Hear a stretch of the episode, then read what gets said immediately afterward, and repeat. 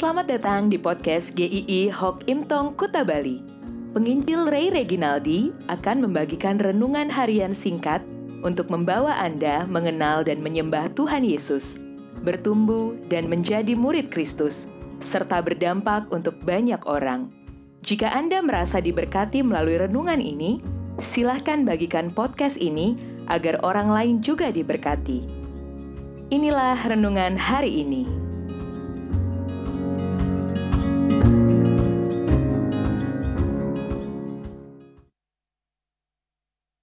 Pelukan Tuhan.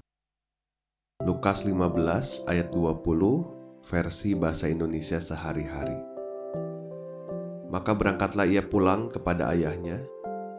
Masih jauh dari rumah ia sudah dilihat oleh ayahnya. Dengan sangat terharu ayahnya lari menemuinya lalu memeluk dan menciumnya.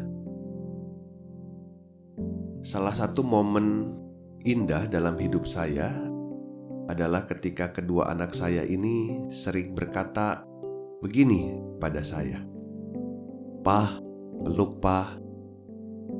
Lalu saya memeluk mereka dan mereka hanya membaringkan kepalanya di dada saya dengan nyaman. Beberapa detik saja lalu lari lagi main lagi. Entah apa yang ada dalam pikiran mereka saat meminta dipeluk. Tetapi sepertinya itu adalah satu ketenangan, kenyamanan untuk mereka.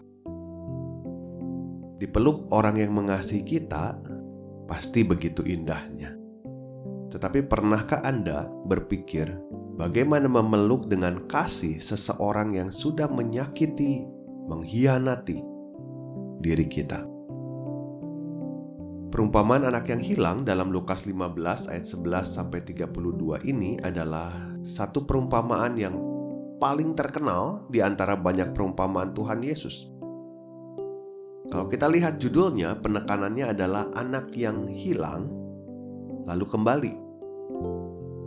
Tetapi melihat dari kisahnya, kita bisa melihat bahwa kasih bapaknya lah yang begitu besar yang menerima anak ini kembali tanpa memperhitungkan semua kesalahan yang sudah dilakukan anaknya. Dari sisi kelayakan, sebenarnya anaknya ini tidak dapat diterima kembali tidak layak. Dia adalah anak yang kurang ajar. Dia hidup semaunya. Dia tidak peduli akan keluarganya. Sampai dia habis-habisan, dia melarat dan sengsara. Di titik ini, dia tidak memiliki apa-apa. Baru dia terpikir untuk kembali ke rumah bapaknya. Jika dia tidak sampai di titik nadir itu, dia tidak akan kembali kepada bapaknya. Mari perhatikan titik balik dari anak yang hilang ini.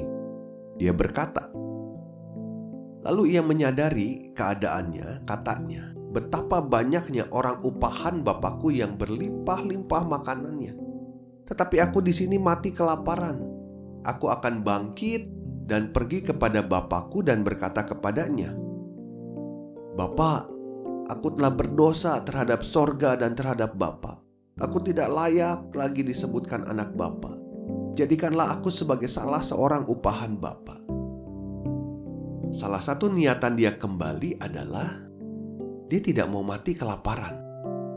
Dia mau hidup layak. Bahkan disamakan dengan pegawai bapaknya tidak apa-apa. Karena saat itu dia bekerja di kandang babi dan mau makan makanan babi saja tidak ada yang memberikannya. Dia memang mengakui kesalahannya, tetapi dia juga punya niatan untuk hidup yang lebih enak, hidup yang lebih baik.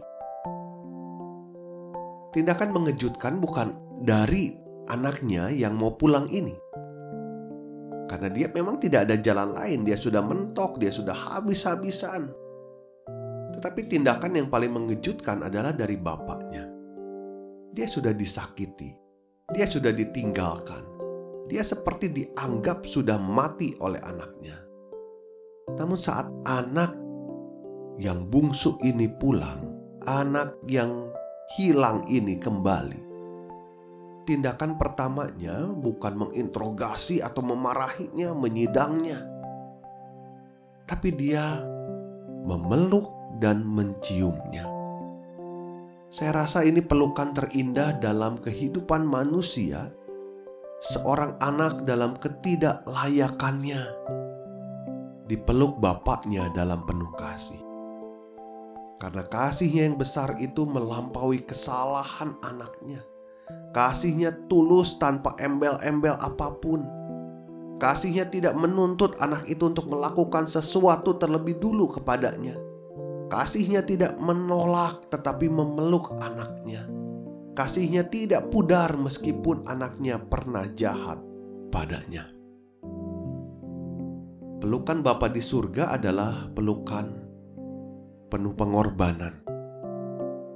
Untuk memeluk kita, dia mengutus anak yang tunggal yang paling dikasihinya, Tuhan Yesus Kristus, untuk meregang nyawa di kayu salib menebus dosa kita.